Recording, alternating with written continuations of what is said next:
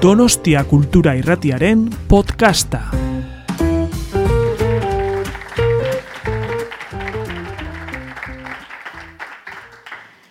Es que ricasco, Iñaki, y gracias por ese aplauso también y por esta acogida tan cálida. Os lo agradezco de verdad que, estéis aquí para, para, escuchar, sobre todo a Jesús. Gracias por estar con nosotros, con nosotras, como decimos aquí, un Yetorri, ya para irte aclimatando. Es que Bienvenido a un Yetorri, Jesús. Sí, está además, eh, me encanta que, que, estemos aquí presentando el, el libro de, de Jesús en, en, una semana especial. No especial porque hoy, como decía Iñaki, hemos entrado en, en zona roja, sino porque esta semana, como sabéis, el viernes celebramos nuestro día, el día del libro, el día de, de todos los lectores y todas las lectoras, aunque seguramente lo celebremos cada día y cada semana del año, pero, pero es una semana especial y además pues con un libro muy especial, porque lo que propone Jesús es, es, un, es un viaje hermoso, una, una, vuelta a casa, un, un bucear por, por, nuestra memoria, por la suya, porque lo ha escrito él, pero yo creo que si lo habéis leído, seguro que os habéis sentido identificados o, o identificadas con, con, un objeto, con una sensación o, o con alguno de, de, los personajes. Enseguida vamos a, a charlar sobre, sobre Llévame a casa, que es la novela que ha venido a presentar Jesús Carrasco, como decía Iñaki. Eh, seguro que, lo conocisteis con, con Intemperie. Jesús, será inevitable hablar de esa primera novela en cualquiera de las presentaciones, ¿no? porque traducida a más de, de 20 lenguas, idiomas, bueno, ha dado la vuelta al mundo esa novela, ¿no? Sí, afortunadamente sí.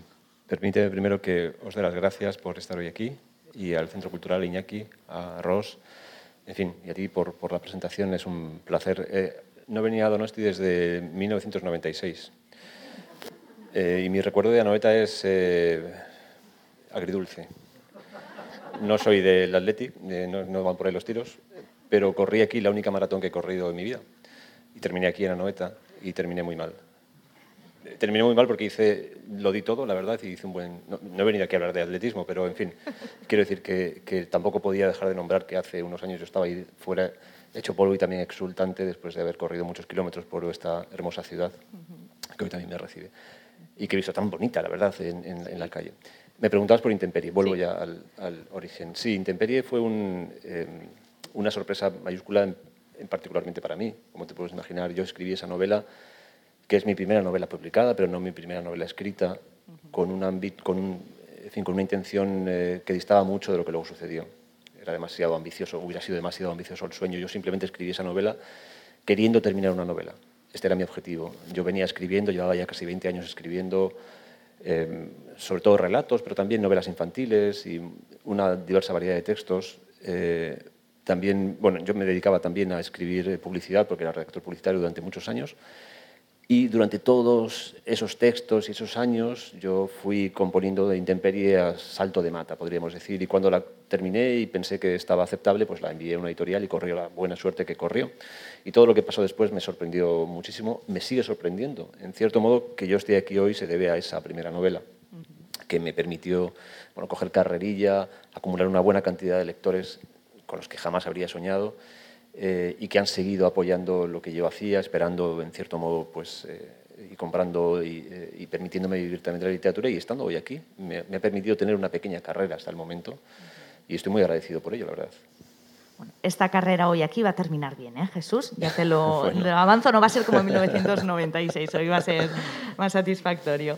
Vamos a hablar de, de Llévame a casa, entonces, si, si me permites, antes de, de empezar, eh, yo había traído un, poema y ahora que veo ahí a Jesús Rodríguez entre el público, me, impresiona leerlo porque es un gran maestro de la poesía, pero, pero lo voy a hacer porque creo que, que describe muy bien de, de, qué vamos a hablar y además de alguna forma se menciona en, en la novela y es el poema de Jaime Gil de Viedma, No volveré a ser joven.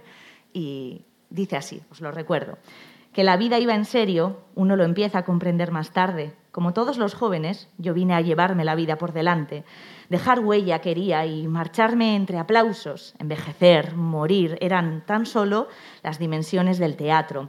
Pero ha pasado el tiempo y la verdad desagradable asoma. envejecer, morir. Es el único argumento de la obra.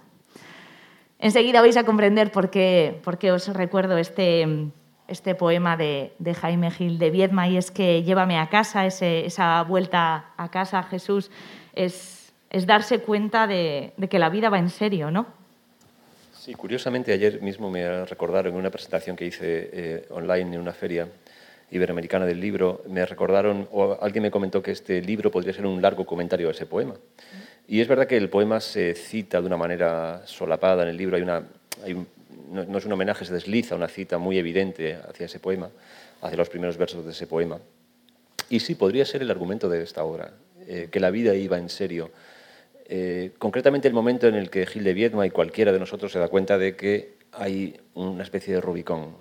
Eh, uno llega con el impulso de la infancia, con la inocencia bien merecida de la infancia, con el disfrute pleno de la vida, irresponsable en el mejor de los sentidos, y llega un momento en el que la vida empieza a ponerse por delante, a atropellarte, a hacer, digamos, a contradecir tu voluntad, tu ego, tu, inocencia infantil, tu pujanza juvenil, y empieza a ponerte zancadillas, ¿no? Quizás se llame la responsabilidad, quizás es eso que decía el poeta, que la vida iba en serio. Y esta novela nos habla precisamente del momento en que un ser humano, Juan Álvarez, eh, se encuentra ante, ese, ante esa disquisición. Ah, que la vida iba en serio, que la vida era esto. A partir de ese Rubicón podemos entender que cuál era esa pujanza, esa inocencia que traía o esa irresponsabilidad y qué es lo que le viene, qué es lo que la vida le depara, qué es lo que le pone por delante. Y lo que le pone por delante es algo inevitable. O sea, la cualidad de lo que le pone la vida por delante es que es inevitable, tiene que afrontarlo, es una especie de muro infranqueable, al, cual, ante el cual tiene que responder. No puede escabullirse como ha hecho hasta ahora, no puede escaquearse, no puede darse la vuelta, no puede torear aquella situación, tiene que afrontarla. Y ese es el punto decisivo. Y es el punto decisivo para mí del poema, de que la vida va en serio es algo que tenemos que hacer, lo quieras o no lo quieras. Las respuestas son infinitas, dependen de las condiciones de cada uno, de las circunstancias vitales, pero la respuesta ha de darse. Y ese es probablemente el alma de esta novela.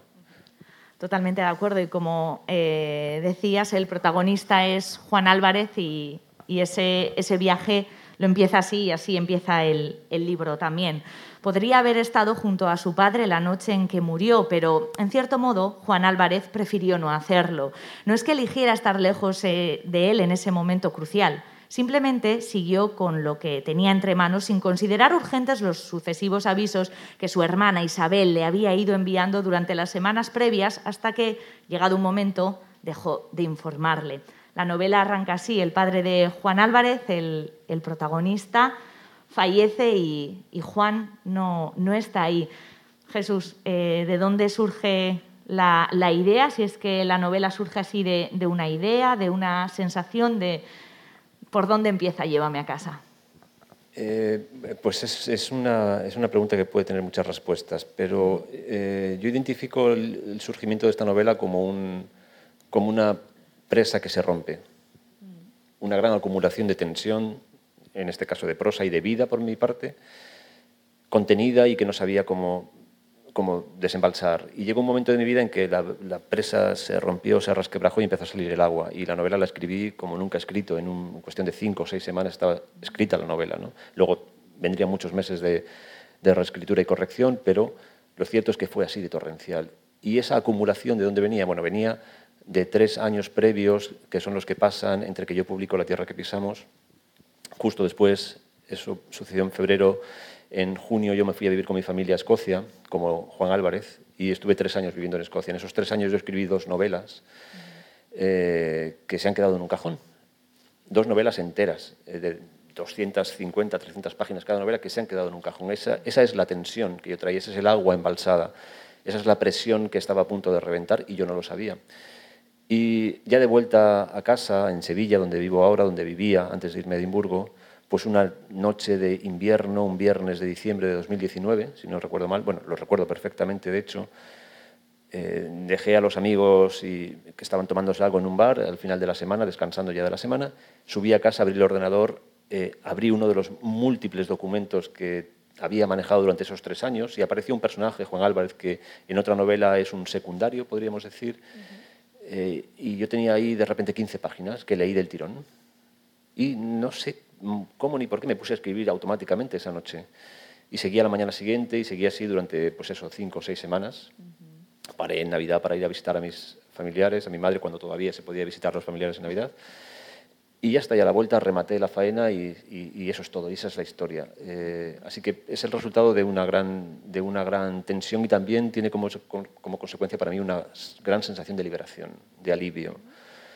Han sido, fueron tres años muy difíciles para mí, eh, intentando escribir, eh, intentando, ahora lo sé, intentando superar seguramente la responsabilidad que, que fue para mí eh, haber escrito, bueno, haber escrito no, haber tenido la repercusión que tuvo mi libro Intemperie, ¿no? Me he dado cuenta mucho tiempo después eh, de que quizá ese, ese acontecimiento me estaba impidiendo eh, bueno, pues soltar, liberarme, dejar que el oficio fluyera, que la palabra fluyera y que la historia se construyera. Nos vamos dando cuenta de, de, las cosas, ¿no? Como que la vida va en serio, pues, pues poco a poco según, según vivimos.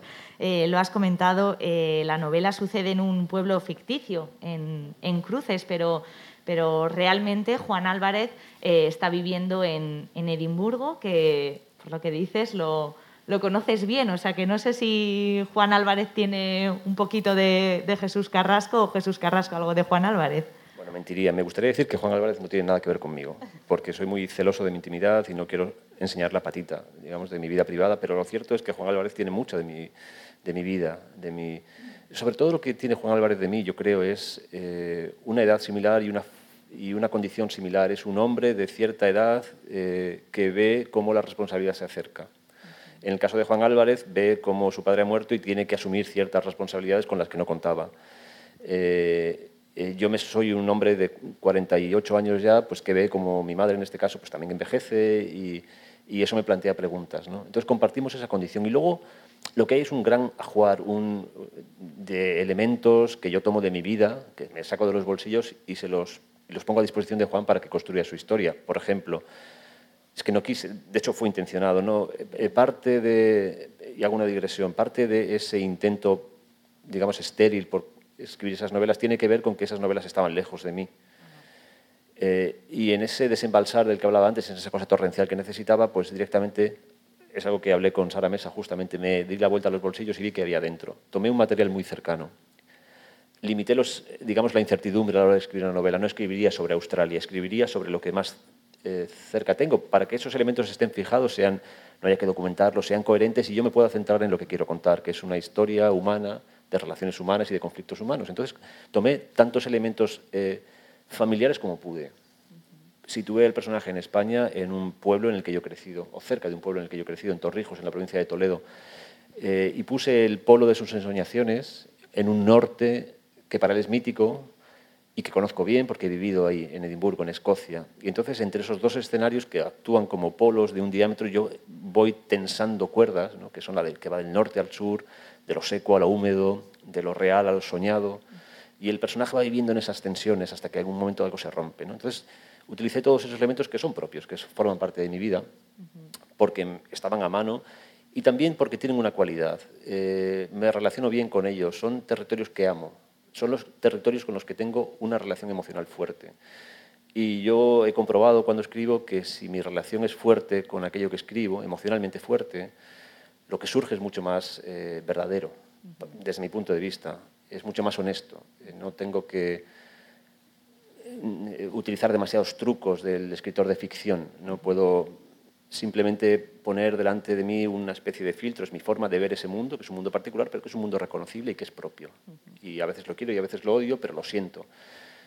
Y mi experiencia como escritor es que para mí es mucho más sencillo y mucho más auténtico y mucho más gozoso escribir acerca de lo que siento. Se nota porque eh, yo creo que si algo define esta novela es esa palabra verdadero, es, es real, es, está en lo cotidiano, está en, en nuestras casas, de verdad. Eh, por eso decía que seguramente os, reconoceréis en, algún personaje, en, alguna sensación, en, algún momento de la, novela. Como dices, eh, Juan ha huido, ha huido a Edimburgo un poco buscando no sé, huyendo del pasado, pero vivir el presente porque piensa, bueno, es, la vida que, quiere vivir, pero tiene que volver a casa porque su padre ha fallecido y él piensa estar solo una semana, además es que tiene los billetes en la mano, se, se quiere marchar, pero su, hermana le comunica algo y es justamente eso, que la vida va en serio y es que su madre está enferma y, Juan se, se tiene que quedar. Es, es la primera prueba a la que le sometes a, a Juan en la novela, ¿no? Sí, es, es, la primera de las viscosidades. ¿no? Me Sí. gusta llamarlos viscosidades porque no sé si eh, les pasa. ¿no? Eh, La, la familia tiene a veces esa cualidad, bueno, la familia, en, en realidad la vida a veces tiene esa cualidad viscosa. ¿no? Uno fluye a veces, pero otras veces se te engancha la vida. La familia se te engancha y hay cosas que no te apetecen, pero que están tirando de ti. ¿no? Y en el caso de Juan Álvarez, pues la vida se le engancha en forma de una madre que está enferma. Y ahí viene lo inevitable de la pregunta. Él es el designado para engancharse a su madre, porque no hay otro en el escenario. Él es el hijo, el hijo que queda, tiene que hacerlo él, no lo va a hacer otro. Y yo sitúo al personaje ante esa, ante esa pregunta ineludible. Tengo que hacer algo con mi madre, ¿qué hago? Y sobre todo, ¿qué hago con mi vida previa? ¿Qué hago con mis billetes de vuelta? ¿Qué hago con mis ensoñaciones? ¿Qué hago con esa, esa, esa inercia que traía para mí la vida, que era dis- disfrutada, elegida, en la que mi voluntad se imponía? ¿Qué hago ahora? Que la vida me pone este, esta, no sé si esta zancadilla o este muro que tengo que resolver. ¿no? Esa es la novela, ahí está, ahí está la novela. Y está hecha, como dices, de elementos muy cotidianos. No hay que nadie espere encontrar en esta novela pues, un, un, no sé, un viaje equinoccial como Lope de Aguirre, ni, un- ni una travesía por los mares del sur, ni aventuras, ni disparos. Lo que vas a encontrar en esta novela son elementos absolutamente cotidianos, a los que yo he intentado ponerles el filtro de mi propia percepción de las cosas. ¿no? Y también las herramientas que la literatura pone a mi disposición, la belleza de la palabra, la, su plasticidad. Bueno, intento detenerme en cosas muy, muy pequeñas. Eh, De hecho, hay una intención muy, muy precisa por mi parte de querer hablar de cosas muy pequeñas. eh, con mucho significado, es decir, aportar significado a cosas muy pequeñas. Se habla, por ejemplo, en el libro del polvo, ¿no? un elemento que es el más trivial de los elementos, bueno, pues en la novela tiene un espacio privilegiado, porque es muy significativo el polvo y cumple una función muy, es muy reconocible por todos y puede tener una gran potencia simbólica. Yo intento aprovechar esa potencia y así otros muchos elementos, ¿no? el ajuar familiar, una esquina de una mesa rota, una taza de un vaso de nocilla, un Renault 4, un palet, una- no sé, un techo, un tejado de, de uralita, en fin, cosas absolutamente cotidianas. Vamos a hablar de esos pequeños detalles porque yo creo que, que son los que, los que van removiendo algo por, por dentro y, como os decía, nos hacen bucear en, en nuestra memoria. Un olor, por ejemplo. Juan hunde la manija de hierro de la puerta y empuja. De la casa sale una fragancia particular que solo se percibe cuando se ha estado tiempo fuera y lo exterior ha renovado lo interior. Es un olor, al tiempo anodino y único. Una nariz entrenada diría que aquí se ha hervido coliflor durante decenios. No sé, seguro que, muchos o muchas recordáis cómo, olía la casa de, vuestra mona, de vuestro padre, qué cantidad de, sensaciones, ¿no? Qué, bonito rebuscar en, esos bolsillos que, pueda ser la memoria, ¿no? Porque al final ahí también está lo colectivo, lo que nos une a todos, sin quererlo. Claro, evidentemente yo no he pensado en qué elementos de mi memoria podrían resonar en otras memorias, pero tampoco ha sido necesario. Yo soy una persona absolutamente normal que ha llevado, o sea, perfectamente integrada en la sociedad, en esta sociedad y he compartido un montón de elementos comunes seguramente con todos los que estés aquí, ¿no? Mismos programas de televisión, eh, misma actualidad, mismos objetos cotidianos, en la época en la que en, es- pues en España solo había Renault 4, 600 y dos caballos y poco más. Un, digamos, un repertorio de objetos muy limitado, muy reducido. ¿no? Entonces yo utilizo todos esos, esa paleta para componer mi propia historia, la que yo quería contar, pero luego me voy dando cuenta de que muchas personas reconocen esos objetos. En cierto modo, se habla de una época. Bueno, en cierto modo no. Diría que de una forma nítida se habla de una época a través de esos objetos, ¿no? de, la, de su presencia y de su utilidad, de cómo era el país, de cómo de precario, de cuáles eran sus aspiraciones, de cuáles eran sus miserias también y las miserias de la familia. ¿no? Y, de, de esa familia particular que es la de Juan Álvarez, pero que podría ser de cualquier familia también. ¿no? Yo creo que tiene la novela algo, algo así que permea mucho, que es muy, muy reconocible. Eh, eso es lo que me van contando los lectores que se acercan a mí. Sí, sí, es, es tal cual, porque yo mientras la leía también la leían eh, unos amigos y decían, "Jue, el vaso de la nocilla, ¿quién no ha tenido un vaso de nocilla? O la botella de la casera, que la utilizábamos para rellenarla con agua del grifo. Bueno, cantidad de cosas que efectivamente han estado en, en todas las casas o que son reconocibles por, por todos. Em, Jesús, también eh, la novela eh, la vas eh, tejiendo con muy pocos personajes, ¿no? porque al final es, bueno, el padre, aunque haya fallecido, es verdad que está muy presente porque se habla también de esa relación de, Juan con su padre, pero está su madre, está su hermana Isabel y un par de amigos, ¿no? Eh, no hay mucho más, con, qué poco se puede hacer mucho. Bueno, gracias. De la necesidad supongo que uno hace virtud. En, eh, en, ese, en esa necesidad por también por concluir esta novela, porque probablemente me encontraba ante la misma disyuntiva que me encontraba junto con cuando eh, terminé Intemperi, ¿no? la necesidad ya de acabar una novela. En aquel momento eran 20 años escribiendo, en este año eran ya 3 años de, de, un intento muy, muy decidido por escribir, pues me deshice de todo aquello que, no me, que, bueno, pues que era innecesario. Y es cierto, uno puede construir una novela con un personaje y un conflicto, sin más. es, eh, así comencé yo Intemperio, con un personaje y un conflicto, después de deshacerme de muchas ensoñaciones literarias que tenía y que había manejado y que eran infructuosas. Y esta novela igual, pues he ido dejando los elementos básicos para, eh, en cierto modo, construir o escribir una obra de teatro, algo que pudiera ser representado pues, en un escenario con una escenografía muy sencilla. Eh, yo creo que es, son esos personajes y la casa como frontera. utilizo ese, esa casa que aparece en el título, es fundamental en la novela, es un espacio real, eh, es, el edificio, cuatro paredes y un techo donde se desarrolla la vida cotidiana, pero es ese espacio, uno de los espacios de la novela, y luego todo lo que sucede fuera de ese espacio. Hay eh, dos legislaciones diferentes para esos espacios, y todos lo sabemos, y yo creo que todos lo reconocemos. Las normas que se establecen dentro de una casa y que establece la familia son particulares para esa familia y suceden dentro, entre las cuatro paredes y el techo. Y luego hay otras normas que todos aceptamos y que compartimos, que son las normas sociales. Ya las conocemos todos. ¿no? Pero eh, las casas tienen sus particularidades, ¿no? como decía Tolstoy. Cada familia, infeliz en ese caso, eh, lo es a su manera. Supongo que se refería también a esa, a esa legislación propia que tiene cada familia, a ese uso particular que cada familia tiene de la convivencia o esa práctica de la convivencia. ¿no? Entonces están esos cuatro personajes un perro que aparece, siempre aparecen perros en mis novelas, no sé por qué, no tengo perro. Eh, ni siquiera me llevo bien con los perros, pero el caso es que aparecen, aparecen siempre perros y además siempre eh, son buenos eh, aliados de los personajes, son momentos que son, digamos, un personaje que tranquiliza a los personajes, ¿no? que los calma, los apacigua. Son esos cuatro o cinco personajes, una casa y un perro, y poco más. Y, el resto es vida, es, es, vida tal cual la conocemos, ¿no? con sus glorias y sus penas ya que la has mencionado, Sara Mesa también aquí habló de, ese perro que aparece en su, última, en su última novela y también pidió perdón por en alguna ocasión haber tratado mal al perro, que ella no sabía por qué eh, lo había hecho.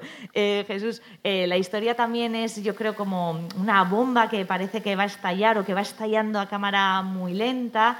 Y es que otro de los grandes protagonistas o el gran protagonista de, de la novela son los cuidados, porque además de, las normas que tiene cada familia, también inevitablemente tenemos unos roles. Y en este caso, cuando Juan vuelve a casa, claro, él piensa que es Isabel, su hermana, quien se va a encargar de cuidar a su madre, que está enferma, pero, pero no, esa llamada a la responsabilidad también es darse cuenta de que su hermana no, lo va a hacer, que él también es hijo y tiene que cuidar de su madre. Claro, y esta es una de esas cosas con las que no contaba. Esa es, una de esas tendencias, unas viscosidades que, de las que hablaba antes y con las que él no contaba y que contradicen su paso, le cambian el paso. ¿no?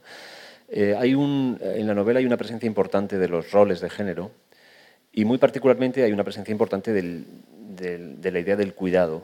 ¿no? Ahora está en boca de todos por suerte, forma parte del debate público, los cuidados, parece que de repente tiene un nombre, pero esos cuidados es una actividad que todos conocemos que fundamentalmente, al menos en el ámbito familiar, han desempeñado siempre las mujeres. Eh, y que no solamente tiene que ver con el cuidado de un hermano, de un hijo, de alguien que necesita tu ayuda porque, es, porque bueno, pues no tiene la capacidad suficiente para, o no tiene independencia o es dependiente, ¿no? Los cuidados también tienen que ver con, y eso pues todas las mujeres de la sala lo sabréis, pues tienen que ver con la atención, ¿no? con la atención mental, intelectual hacia las necesidades de otro. Pues que tu hijo va a tener un cumpleaños y hay que comprar un regalo para el amigo, que los calcetines tienen que estar eh, cada uno eh, junto con su pareja en un determinado cajón para que esa persona, tu hijo, tu marido, o quien sea, o tu hija, lo encuentre en su sitio. Toda esa energía que las mujeres conocéis también, porque por desgracia os ha caído a vosotros todo el peso de, esas tareas, pues en esta novela se le aparecen al personaje como parte de esa responsabilidad y también parte de esa iluminación, parte de la transformación que el personaje eh, eh, tiene durante la novela tiene que ver con esa toma de conciencia de ese cuidado pequeño. Ya no es una gran epifanía, eh, tengo que cambiar mi vida por completo. Eso son microepifanías, ¿no? en las que el personaje va, va experimentando a lo largo de la novela hasta lograr una transformación que no sé si es mucha o, poca, no, no, sé en qué medida el personaje se transforma, pero desde luego lo que yo creo que sí sucede es que apunta a una mayor transformación. Es el, yo diría que es el origen, el principio de un camino, de un cambio. Vemos al personaje coger carrerilla hacia una nueva vida, y la novela termina en el momento en que la, carrerilla empieza, pero podemos suponer que ese aprendizaje, ese pequeño aprendizaje, pequeño pero esencial, va a acompañarle el resto de su vida. Al menos eso es lo que espero eh, de, este personaje. no sé lo que pasará en la segunda parte, no está escrita, pero yo creo que Juan Álvarez eh, será dentro de tres o cuatro novelas una persona absolutamente diferente no por una gran epifanía, no por un gran viaje a los mares del sur, no por una gran aventura, sino por haberse dado cuenta de que el polvo se deposita en los muebles de su casa. Claro, y además, eh, no solo por darse cuenta de, que no su hermana va a cargar con, todo el peso de, la familia en este caso, sino que también eh, uno es, hijo y piensa que, sus padres lo, van a cuidar siempre y, y llega un momento, y esto sí que es inevitable porque, porque todos crecemos y como decía el, el, poema de Jaime Gil de Viedma, envejecer, vamos hacia adelante y hay un momento en el que tu padre o tu madre te necesitan, ¿no? Eh, haya una hermana de por medio, un hermano, seas el, menor, el, mayor, ¿no? Y como le dice Isabel, mamá no necesita llamarnos, sino que la llames tú.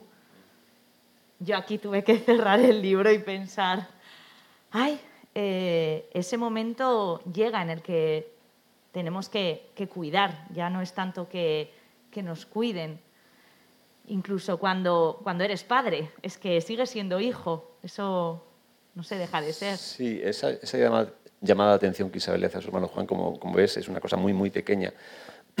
mamá no necesita que tú le compres un regalo, un, ramo de flores o que la lleves a Venecia. Mamá necesita escuchar tu voz y que seas tú quien la llame. Es decir, que tú le dediques atención, que tú te pares un momento a lo largo del día y pienses, ahí está mi madre, voy a llamarla, simplemente para hablar con ella. ¿no? Ahí está eh, la clave de su transformación o de esos pequeños cambios de lo que hablaba. ¿no?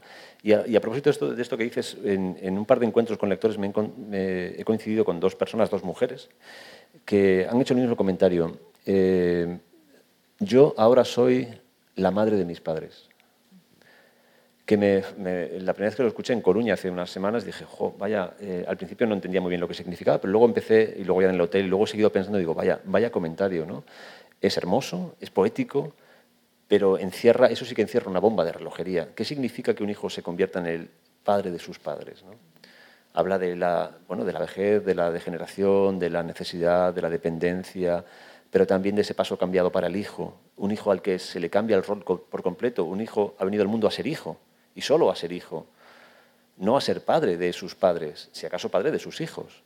Y eso también incide en otro de los temas de la, de, la novela. ¿no? Yo creo que estamos muy entrenados en la idea de que somos responsables de nuestros hijos, como es natural, los traemos por propia voluntad y tenemos que hacernos cargo de ellos, por forma parte del contrato, pero no tenemos tan claro o no está tan trabajada la idea de que podemos tener alguna responsabilidad hacia nuestros padres. Esto es algo que, como decía antes, yo creo que cada familia tiene que resolver en su propio pacto. Hay circunstancias para todos. No hay un mandato, desde mi punto de vista, no hay un mandato ético eh, nítido como, el, eh, como en el otro caso de que los hijos se tengan que hacer cargo de los padres y cambiar su vida entera para atender a sus padres. Es deseable, porque son los seres más próximos, los más queridos, pero yo creo que no hay un mandato ético nítido. Cada familia tiene que organizarlo a su manera. ¿no? Entonces, también esa disquisición forma parte de la novela de una forma central, yo creo. Y la, la forma, además de, darse cuenta de, de Juan, es Mm, mirando las cosas de, de, otro modo, ¿no? Todo eso tan cotidiano, ese vaso de nocilla o abrir el, el frigorífico, ese momento de encontrarte el yogur o el, flan ese que, que, han comprado para ti, porque te gusta a ti. El mirar las cosas de, de otro modo, porque las cosas siempre han estado ahí, pero cuando te das cuenta de por qué están ahí, ¿no? Cuando recuerdo de, pequeña, yo creo que a, todos nuestra madre igual nos ha dicho, pues ¿quién te piensas que recoge la habitación? Pues un duende. Bueno, pues eh, mirar las cosas de otra forma. Yo creo que eso también está en, la novela, ¿no? Porque esa casa a la que vuelve Juan es su casa de siempre, pero de repente parece que, la está viendo de, de otra manera, porque incluso empieza a conocer a su madre, se da cuenta con un simple abrazo ¿no? Una enfermera, una doctora, creo, abraza a su madre y él no sabe quién es y, se pregunta, pero bueno, ¿por qué no, no conozco el entorno de mi madre? ¿no? Entonces es eso tan cotidiano mirarlo de, de otra forma.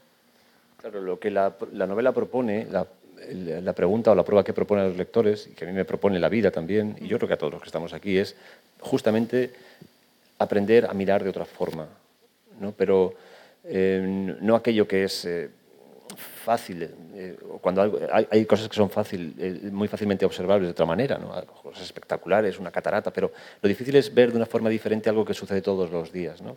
Yo recuerdo una cita, creo que era de Baudelaire, que decía que la tarea, a ver si lo recuerdo bien, la tarea del héroe, del héroe consiste en buscar lo nuevo braceando las profundidades de lo desconocido. Yo leí esta cita cuando tenía quizás 18, 19 años y desde el principio la interpreté a mi forma. La tarea del héroe consiste en buscar lo nuevo braceando en las profundidades de lo conocido. Esa es ese es un atributo nítidamente humano. La posibilidad de renovar la mirada, la posibilidad de contemplar esta botella y encontrar la maravilla en esta botella, porque también la contiene. Es una maravilla tecnológica, eh, seguramente de diseño, por su utilidad. Simplemente hay que intentar eh, ver las cosas de otra forma. Y yo creo que ahí está el cambio, ahí está el origen del cambio uno no puede cambiar si, previamente no es consciente de aquello que no está viendo o de aquel camino pues, que no está transitando de una manera adecuada. Primero hay que darse cuenta y luego ya viene el cambio. ¿no? Pero lo primero es ser consciente, lo primero es entrenar la mirada. Y pienso que la literatura, el arte también, nos ayuda mucho, puede ser una buena herramienta para esto, ¿no? para aprender a mirar las cosas de otra forma, para detenerse, lo primero, y permitir que la mirada se refresque y contemple lo cotidiano, de una forma diferente. Y esa forma diferente puede ser extraordinariamente útil, ya no solamente porque me maraville una botella, puede ser casi, en fin, un, un, juego, sino porque al darte cuenta, por ejemplo, de que el polvo se deposita en un armario, primero te das cuenta de que el polvo se deposita, te das cuenta de que el tiempo pasa, pero también te das cuenta de que alguien no ha pasado el paño. ¿Quién no ha pasado el paño? Es decir, ¿quién pasaba el paño? Alguien con intención ha comprado un flan porque a ti te gusta y lo ha puesto ahí, aunque tú no te des cuenta. Alguien ha pensado en ti. Como, como Isabel le pide a su hermano, piensa en mamá un segundo y simplemente llámala. No le envíes flores, no le... Llámala. Simplemente eso, pon tu atención en el otro. Entonces, esa es una parte también de, muy, muy, muy importante de la novela. Y el poner eh, atención o, mirar de otra forma también eh, implica, al menos en, en la novela, romper esos silencios que también están en, todas las familias, en, las infelices y en, las eh, felices. ¿no? Dice, hablar era abrir una puerta y preguntar, cruzar un río, las preguntas, ¿no? igual que nos preguntamos quién ha quitado el polvo, quién ha comprado ese, ese plan. ¿no? Las preguntas también qué importantes son para, para Juan y el romper esos silencios, porque sobre todo al principio cuando, cuando llega es que ni siquiera quiere hablar, ¿no? Creo que Isabel en, dos ocasiones su hermana le dice, Juan, tenemos que hablar. Y él intenta rehuir todo el rato esa, esa conversación y, piensa qué me querrá decir esto y lo otro, pero yo me quiero ir, ¿no? El responder a esas preguntas o romper esos silencios también, qué, qué importante es y, es parte de, de, hacerse mayor o de darse cuenta que, que la vida va en serio, ¿no? Que uno no puede huir y, y estar en silencio siempre. Claro, lo que hace Juan en ese caso es aplicar la legislación particular de esa casa. En esa casa se permite el silencio. A lo mejor en tu pareja o en sociedad o en otros contextos, pues ese silencio, ese silencio no está permitido. Tienes que emitir una respuesta a alguien que te hace una pregunta, aunque solo sea por cortesía. Pero en esa casa el silencio es un marco, una forma, como yo creo que en muchísimas casas. ¿no? De hecho, también creo que define una época. En, cuando yo crecí, cuando yo fui adolescente, supongo que muchos lo reconoceréis también, pues la expresión doméstica de las emociones no existía. O sea, yo no recuerdo a mi padre jamás diciéndome te quiero, por ejemplo, ni haciendo un gesto particularmente cariñoso. Por supuesto que me quería, ya sé que me quería, me lo demostró eh, su vida entera, pero desde luego ni de palabra, ni, tocándome, el, acariciándome el pelo, ¿no? Cuando, cuando lo tenía, quiero decir. ¿Por qué me habrá salido esta, esta, esta conexión? No, no recuerdo, no recuerdo esa, esa expresión. Eh, evidente de los sentimientos, de las emociones. Más bien imperaba el silencio. Uno tenía que intuir, deducir que ahí había amor, que ahí había cuidado, eh, bueno, que ahí estaban pasando, que estaban aconteciendo emociones. ¿no? Em, entonces se me ha ido el santo al cielo con lo del pelo. Eh, perdón.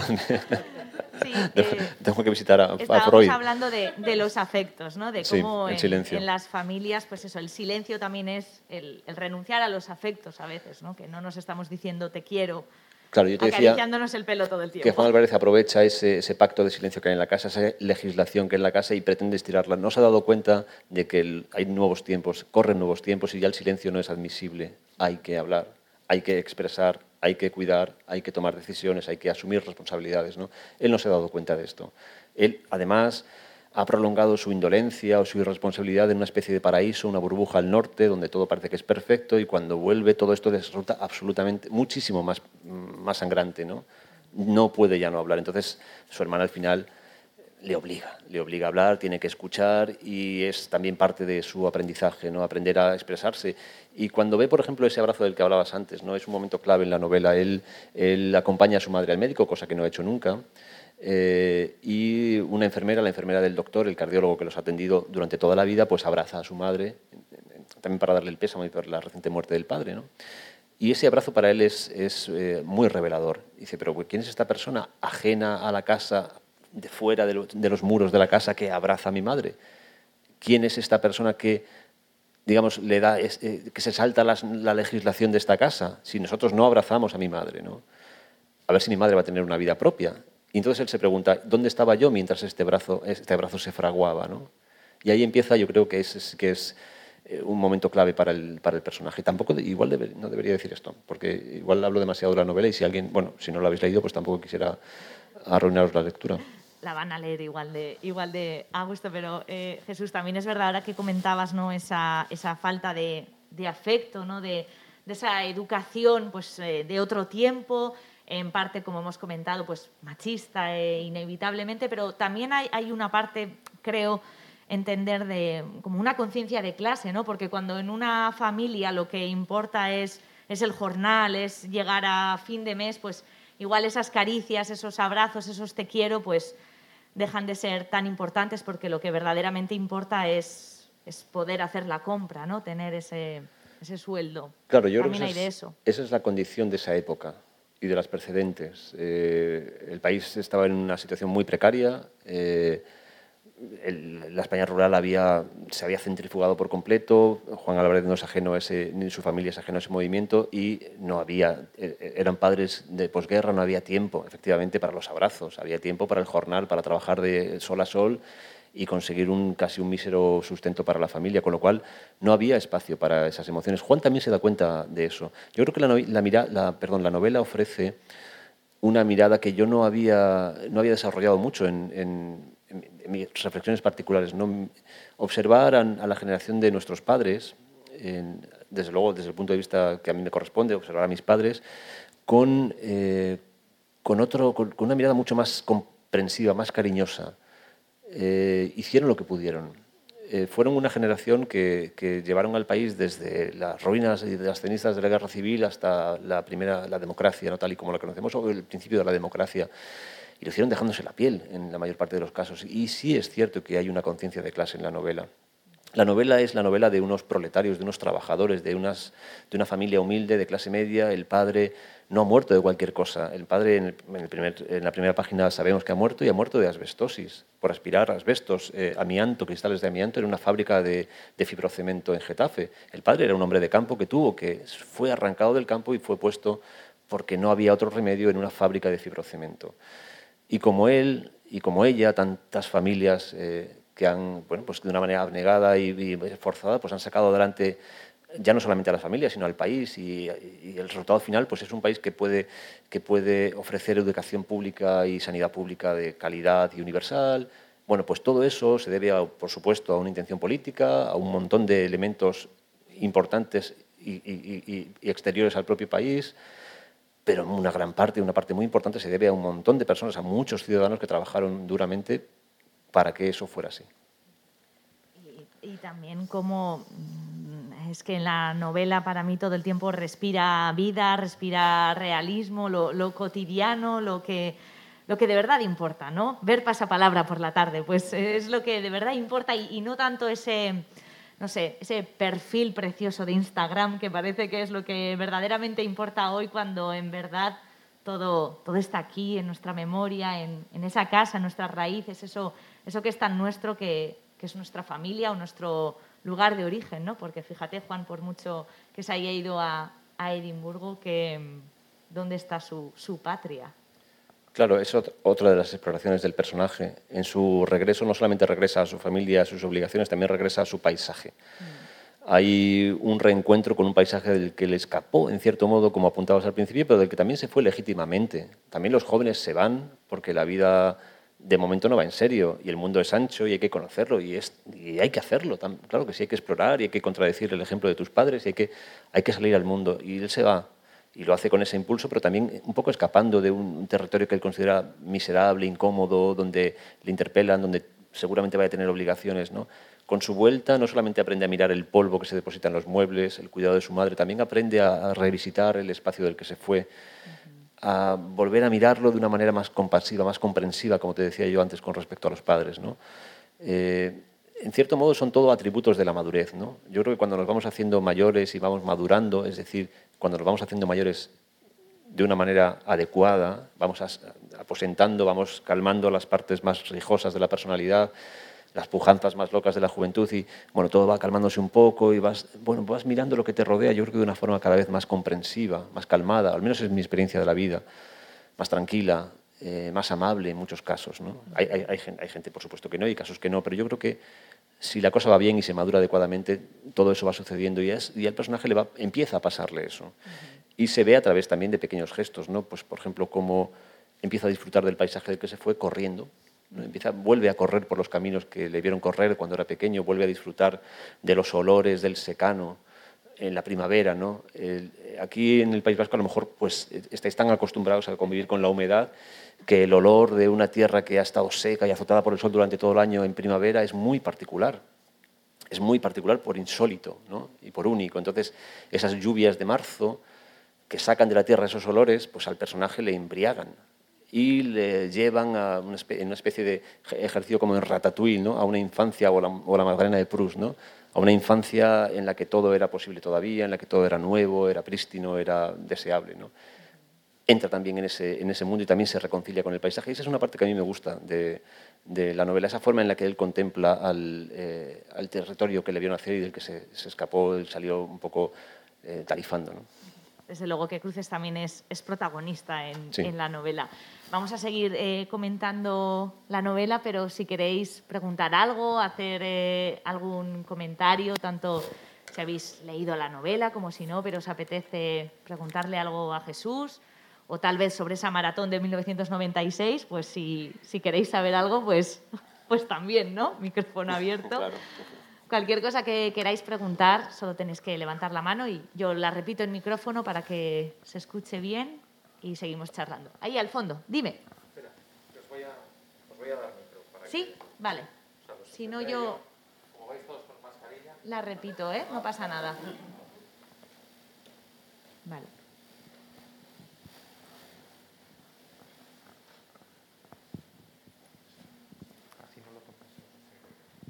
Aurrera. Eh, lo primero, cuando, eh, respecto a tu primera novela, cuando yo la leí, me, no, me pareció una sorpresa excepcional, ¿no? Eh, una maravilla. Ahora te veo explicar eh, la novela esta y digo, joder, qué tío, qué voz tiene encima, joder, ni, ni, ni Luis del Olmo de joven, joder. Eh, sí, joder, y luego qué riqueza de vocabulario. Y luego, coño, has corrido un maratón, digo, sobre eso falta que hayas hecho el tiempo de Kipchoge o así, joder, ¿no? bueno. No. Y, ya, y, ya, y ya, no sé, si dices que sabes hacer merluza, salsa verde y eso, digo, joder, la vida es injusta, ¿no? Bueno, ese comentario. Eh, Me encantaría saber euskera, ¿eh? pero ahí, ahí, ya sí que no, no puedo. Bueno, eh, la pregunta, que al final, claro. Eh, dicen de Juan Rulfo que nunca se liberó del peso, del éxito de, de, Pedro Páramo y el llano en llamas, ¿no? que nunca consiguió superar eso y que eso... Digo, ¿Tú te has liberado del peso, del éxito de Intemperie? Gracias por tu pregunta. Responderé en euskera. No, no, no os daré ese, ese mal rato. Eh, creo que sí, pero no podría asegurarlo ya. Eh, creo que sí. Eh, esos, esos tres años escribiendo estas dos novelas me han enseñado mucho. Y y tengo la sensación de que he soltado mucho lastre y que esta novela ha sido torrencial porque he soltado ese lastre, porque de repente pues, he escrito como cuando era joven, eh, sin pensar si hay un oficio, si hay lectores, si hay traducciones, si hay un editor, si voy a estar aquí o allá, de una forma muy recogida. Me he aligerado, pero sinceramente ya no podría asegurar que, eso vaya a volver a ser así. Voy a intentar que sea así. Tengo ciertas claves que he ido aprendiendo, pero a veces eh, la vela propone y el viento dispone. No lo sé, ojalá. Pero también debo recordar que, bueno, ya me hubiera gustado a mí retirarme como se retiró Juan Rulfo, ¿no? con esas dos obras eh, clave en la historia de la literatura. Em, me he vuelto a quedar en blanco. No, no estaba pensando en pelos esta vez, eh, pero se me, ha, se me, ha, ido el salto al cielo. Claro, pensar en Pedro Páramo distrae sí, es, también, es, es, verdad. Es abrumador. No, no, eh, creo que iba... Eh, Te has quitado la presión, el peso de, de, todo lo que ha supuesto... Ah, sí, ya sé, lo que, ya sé lo que iba a decir, sí. Claro, la, pregunta es pertinente y tal y como la formulas, quitarse de encima el peso de un éxito parece contradictorio, ¿no? Porque tendemos a pensar que el éxito pues, es, algo que juega a nuestro favor, que es una vela que nos proyecta, que nos hace avanzar cada vez más rápido. ¿no? Y no tiene por qué ser así, es una vela que también nos puede echar hacia atrás e impedir avanzar. Pero yo nunca dejo de pensar, siempre intento recordar que, lo que intento superar es un, éxito o, o, una fortuna de la vida. Eh, me, acuerdo que en esos tres años en los que, bueno, mi editora me ha acompañado siempre y particularmente esos tres años pues seguía dándome mucho cariño eh, en la distancia, sabiendo que yo estaba embarrado. Me decía, Jesús, no olvides nunca que estás intentando eh, lidiar con el éxito.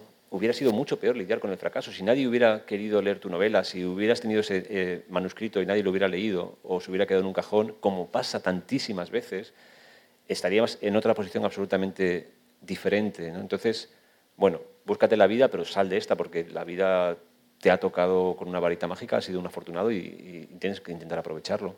Y lo estoy intentando hacer.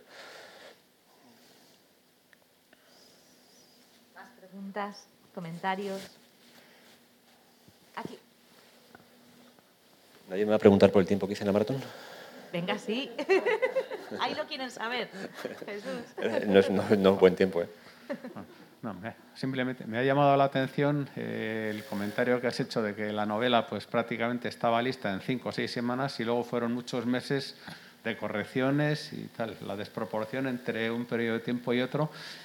¿Qué cambios eh, sufrió la novela o cuál era la diferencia entre, digamos, la bruta y la obra terminada actual? Pues mira, eh, lo, lo Gracias por tu pregunta. La responderé utilizando un símil eh, artesanal. Imagina un escultor, ¿no? Sin querer comparar, imaginemos una escultura conocida, el David de Miguel Ángel, ¿no? Eh, o mejor, eh, el rapto de Proserpina, ¿no? En el cual la mano del que rapta aprieta el muslo de Proserpina y la carne, el mármol de repente cobra vida. ¿No? Bueno, eso primero fue un bloque de mármol, grueso, cuadrado, irregular, y poco a poco fueron apareciendo las figuras más gruesas. Se sabía que iban a ser dos figuras, eh, un hombre y una mujer en una actitud... Eh, bueno, ella quiere escapar y él la está apresando. Bueno, pues yo acabé esa novela, ese, ese, primer trabajo de esas primeras cinco semanas es eso. Adivinamos que en esa escultura, en ese bloque de mármol, hay dos figuras, hay una acción, un atrapar, hay una historia contenida. Lo que no hay en ese, en ese primer borrador es una mano que aprieta el, mármol. Todo eso viene después. ¿Y cómo viene después? Pues puliendo. En esos meses que sucedieron después, que vinieron después de la escritura del primer borrador, pues lo que uno hace, sobre todo lo que yo hago es quitar mucho, seguir desbastando y aplicar lijas cada vez más finas, de un grano cada vez más fino para que la sensación sea cada vez más pulida. ¿Y eso es que, cómo se traduce? Bueno, pues buscando la palabra adecuada, intentando, eh, leyendo, por ejemplo, el texto en voz alta, leyéndose la novela, una vez que está terminada, leyéndola en voz alta, y escuchando la novela a ver dónde está el ritmo de la novela y a ver dónde falla el ritmo, dónde se embarra, repasando, pasando una y otra vez, también descansando, haciendo que el texto repose. Eso es fundamental en escritura. Escribir y reposar, escribir y reposar. ¿Por qué? Porque es preciso que el autor, que es el único lector hasta ese momento, renueve su mirada, se recupere como lector para su propio texto. Si yo sigo escribiendo día tras otro, día tras otro, estoy absolutamente contaminado por el texto y no soy capaz de ver ni el ritmo, ni la precisión, ni la prestancia que pueda tener el texto. Entonces necesito descansar. En ese periodo también hay momentos de descanso en los que yo me voy a hacer otra cosa, hacer deporte, escribir otro texto, atender otra serie de obligaciones. Entonces, eh, todos esos meses se me van en eso. Primero desbastar, luego reescribir y luego ir ya afinando mucho, mucho, mucho, todo lo que puedo hasta un nivel que a veces, eh, pues ya digo, la, novela la abandono porque no la voy a dar por terminada nunca. Es un poco, no sé si he quedado claro el, símil. Tal vez lo, difícil sea eso, decir, hasta aquí, ahora sí está terminada, ¿no? Sí, dicen que hay dos tipos de escritores, los que terminan las novelas y los que las abandonan. Y yo pues las abandono porque ya, en fin, llega un momento que también dices, ya está aquí, bueno, hay que, hay que parar, ¿no? Más preguntas, comentarios, Galerarik, bye. Aquí. Hola, un placer ¿eh? que estés aquí. Y, Gracias. siempre acabo llorando con tus novelas, en el buen sentido, porque me emocionan. Gracias. Eh, quería preguntarte por Isabel. Tengo curiosidad por saber, me ha resultado como muy perfecta, quizás demasiado, a nivel moral, quizás, no sé cómo decir, ¿no? Eh, se come el marrón, así de claro, y luego a su hermano le deja el camino totalmente puesto, la nevera llena, y no, no, quiebra en ningún momento, está contenida. No sé si como consecuencia de la educación y de lo que ha vivido en casa, de esos silencios, de esa falta de afectos de las que habéis hablado, o lo pensabas así en contraste con Juan, que no, que es el que tiene las fisuras, es el que está más perdido. Ella tiene el marido perfecto, los niños perfectos, la comunicación fluye entre ellos. Digo, madre mía, qué matrimonio, esto es un lujo, ¿no? No sé, tengo esa duda. Si era un poco por contraste o bueno, yo quería enfatizar en el personaje de Isabel eh, la, digamos, la asunción completa de la responsabilidad. Eh, y sí que, es, eh, sí que tiene un punto de superioridad moral, ¿no? que puede ser incluso a veces un poco molesto. A mí es un personaje que me molesta un poco, precisamente por esa, por esa cosa, ¿no? por, incluso en un momento en el momento del entierro del padre, de estar con toda la burocracia funeraria absolutamente liados, pues tener tiempo para encontrar el, para encontrar el, pues un flan para su hermano o dejar la nevera llena para los próximos dos o tres días. En cierto modo lo hace por pura, también por pura responsabilidad. Sabe que su hermano no se va a encargar y su madre tiene que comer. Dice, bueno, tu madre, al menos que la próxima semana, mientras este se espabila, que mi madre tenga algo que comer. ¿no? Y de paso le deja un regalo, que es su flan.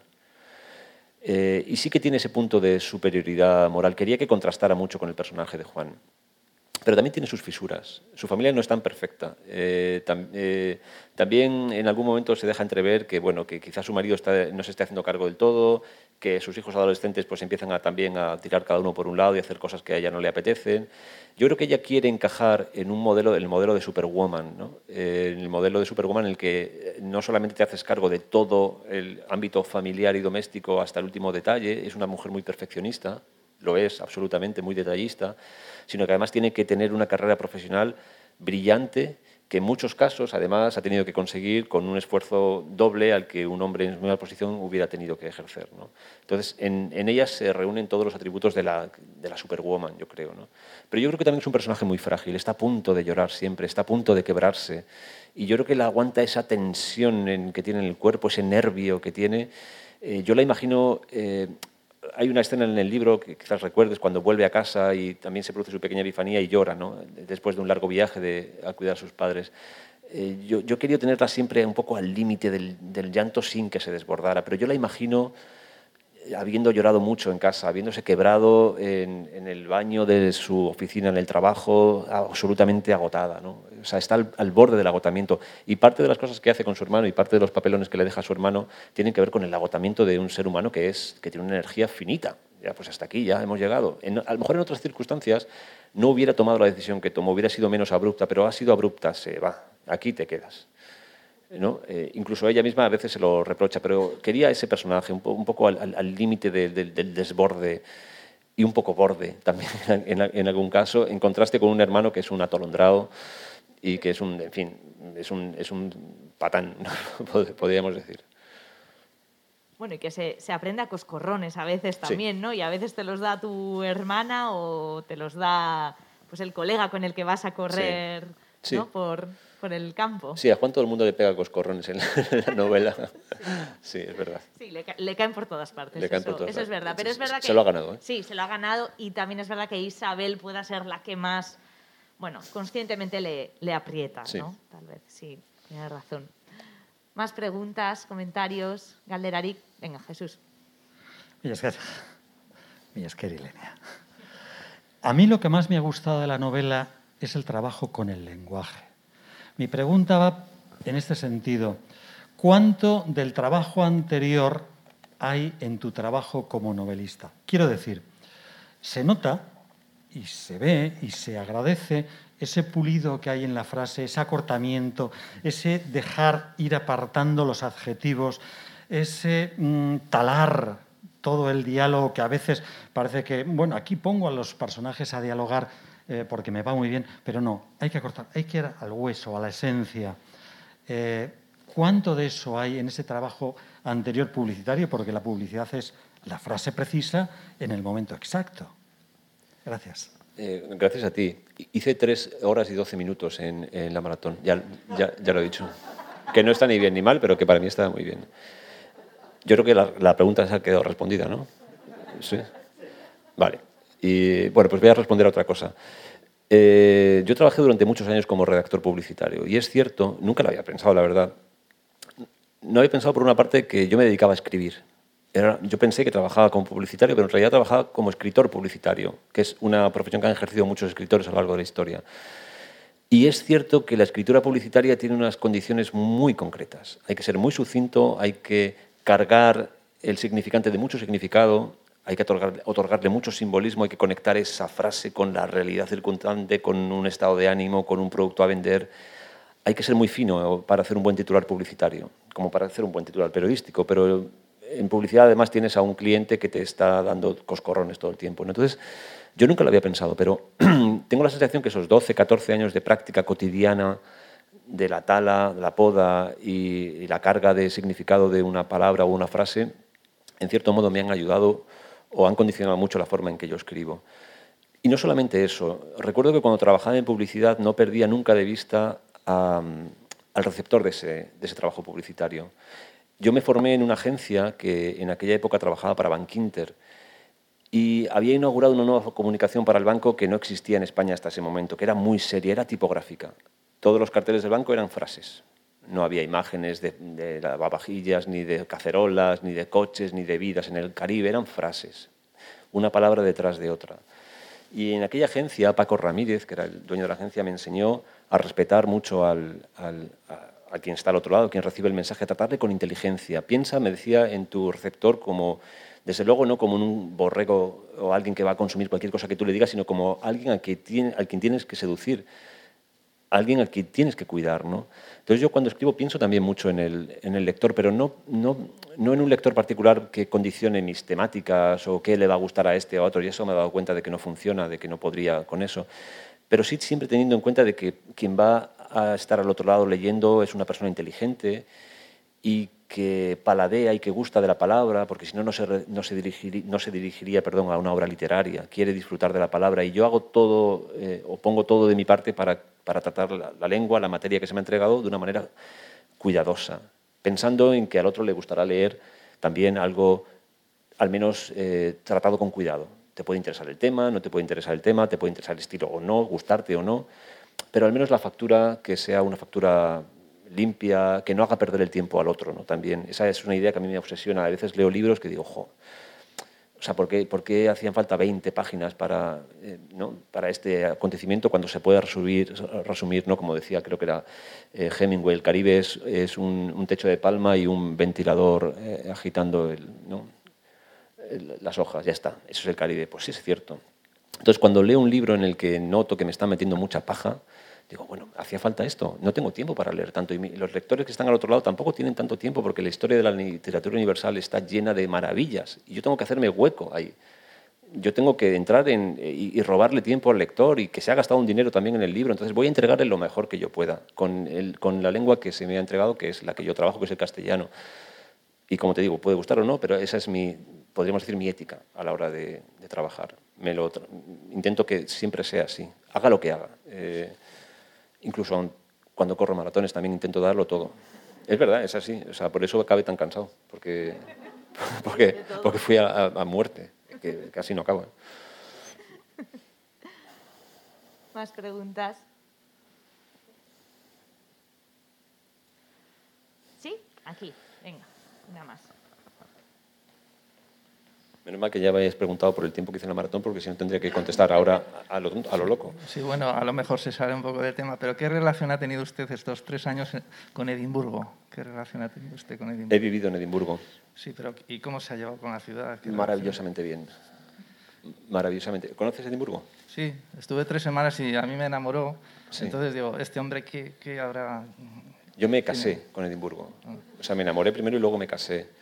Eh, eh, mi familia y yo fuimos para un año y acabamos quedándonos tres. Yo hubiera seguido, eh, porque es una ciudad que verdaderamente enamora. es una ciudad cargada de literatura, de historia y de belleza. No, por haceros la pelota, pero según venía para acá me ha parecido que San Sebastián era una ciudad cargada de belleza también. Hay castaños de indias en las calles, he visto hasta alguna secuoya. He visto verdaderas maravillas que para un hombre de secano son glorias. Entonces, a mí me pasa algo parecido con Edimburgo. Eh, cualquiera que haya vivido en el extranjero, yo creo que ha, experimentado esa misma sensación. Bajar a la calle, darle la vuelta a una esquina y no saber lo que hay al otro lado. Y lo que te encuentras es un cementerio decimonónico, por ejemplo. Edimburgo está lleno de cementerios preciosos, góticos. Hay, como te digo, mucha cultura. Hay una vida, el festival, el famoso festival en verano. Es, una vida, es, una, es una ciudad eh, británica pero al mismo tiempo es escocesa, que, es, que no es exactamente ni mucho menos inglesa. Entonces es muy amigable, la gente tiene, es muy receptiva, es muy acogedora y, y, y la sociedad en sí nos acogió muy bien. Por ejemplo, eh, pues eh, nuestras hijas se educaron en, en, colegios públicos del barrio, nadie nos pidió nada, nadie nos pidió una, un, ni una sola libra y las atendieron de mil amores. ¿no? Eh, yo o mi familia íbamos al médico y en 20 minutos, media hora, lo que fuera, pues estábamos en el médico de cabecera como si estuviéramos en nuestra casa. Es decir, la sociedad también nos acogió, nos permitía hacer eso. Y fueron tres años, en fin, maravillosos. Yo recomiendo a cualquiera que no conozca Edimburgo que vaya, la visite y la viva. Es una ciudad con muchísimo jugo y, muy, y con muchísimos rincones secretos. Hay una en Edimburgo eh, muy pintoresca, que se ve en tres o cuatro días, que es la zona vieja, hay una serie de zonas, pero luego en una vista entrenada, con un poquito de cuidado y un poquito de escarbar, se encuentran rincones sorprendentes, pero absolutamente sorprendentes, que no te los imaginas y que no aparecen en, ningún, en ninguna guía turística. ¿no? Es una idea llena. Yo he estado tres años y no me he cargado, no me, perdón, no me, no me he cansado, ni, mucho menos la he agotado, y la he vivido con toda la intensidad que he podido. Había días que miraba por la ventana y decía, jo, es que, mira, es que es Escocia, lo que, salgo a la calle y estoy en Edimburgo. ¿No? Como si sales a la calle estás en París o, donde, o yo qué sé, o en Tokio. dices, yo tenía esa sensación infantil, sorprendida, asombrada de salgo a la calle y estoy en Edimburgo, huele a carbón, huele a lúpulo la ciudad. Hay una todavía hay una fábrica de cerveza dentro de la ciudad y cuando el viento sopla en determinada dirección, huele a lúpulo. Eso más el humo del carbón, más la grasa de las cocinas, que es horrible de los bares, todo eso, en fin, hace que el lugar sea muy particular. Yo me enamoré desde luego con la ciudad y me siento casado con ella. Volveré, si no he vuelto antes es porque por desgracia la pandemia nos lo ha impedido, pero hemos dejado allí grandes amigos y grandes experiencias. Parece, parece que me está pagando el gobierno escocés para hacer una campaña, una no, campaña pero, publicitaria. Oye, ahora que, que, hablabas más de, de Edimburgo, no, no quiero terminar, que ya tenemos que ir terminando porque se nos echa el tiempo encima, pero el rododendro, rododendro. Quien, quien ha leído el libro sabe de lo que hablo y es otro gran protagonista de, del libro. Eh, aunque vengas de secano, la botánica te gusta también. Sí, me gusta Jesús, mucho. ¿no? Me gustan mucho las plantas, sí. Yo soy un, un niño de campo. Eh, no de naturaleza de campo, porque me he criado en el campo. Me he criado en un pueblo de Toledo hasta que tenía 19, 20 años que me fui a Madrid y mi campo de juego siempre ha sido el campo. He conocido bien el cereal, los olivos, todos los cultivos de secano y siempre me ha interesado el trabajo de los hortelanos, por ejemplo. ¿no? Y luego también a través de mi madre, eh, que es muy aficionada a las plantas, pues también sin que yo me diera cuenta me ha ido metiendo ese gusanillo en el, cuerpo. ¿no? Ahora tengo la casa llena de plantas, la tenemos llena de plantas y yo cada día las, las, las miro una por una. ¿no? Me las miro una por una y las veo y cómo va esta, cómo va la otra, bueno, en fin. Me produce también mucho, mucho embeleso, me apacigua mucho y me interesa mucho la botánica. Creo que hay una maravilla. Aprovecho para recomendar un libro sobre libros, el mejor que he leído en los últimos años, que se llama El clamor de los bosques, de Richard Powers, que es un escritor americano. Creo que ganó el Pulitzer con este, eh, con este libro, o el Booker, no me acuerdo. Es una auténtica maravilla. Eh, en la que se nos habla incluso de la inteligencia vegetal, de cómo a veces las plantas, los árboles, utilizan estrategias que son equiparables a la inteligencia tal y como la conocemos, no cómo desarrollan fórmulas de defensa colectiva, cómo se comunican, cómo se intercambian información de una forma química a través del, arte, del aire, de las raíces. Es absolutamente asombroso, fascinante el libro. Apunta, botánica también para el currículum. Pues si no tenéis ninguna pregunta más, eh, terminamos para que también tengáis un, tiempito para estar con, con, Jesús, pues algo más íntimo. Están aquí compañeras de la librería Lagun con el libro, por si no lo tenéis, para también poder pedir una firma, así que Jesús, solo me queda darte las gracias, es que ricasco y enhorabuena por esta novela y ojalá no tardes 25 años en volver, eh, estás invitado a correr la Beovía San Sebastián, hacerte socio de la Real o por favor regalarnos otra novela como esta. Eso será más fácil, gracias, es que ricasco. Muchas gracias. Gracias.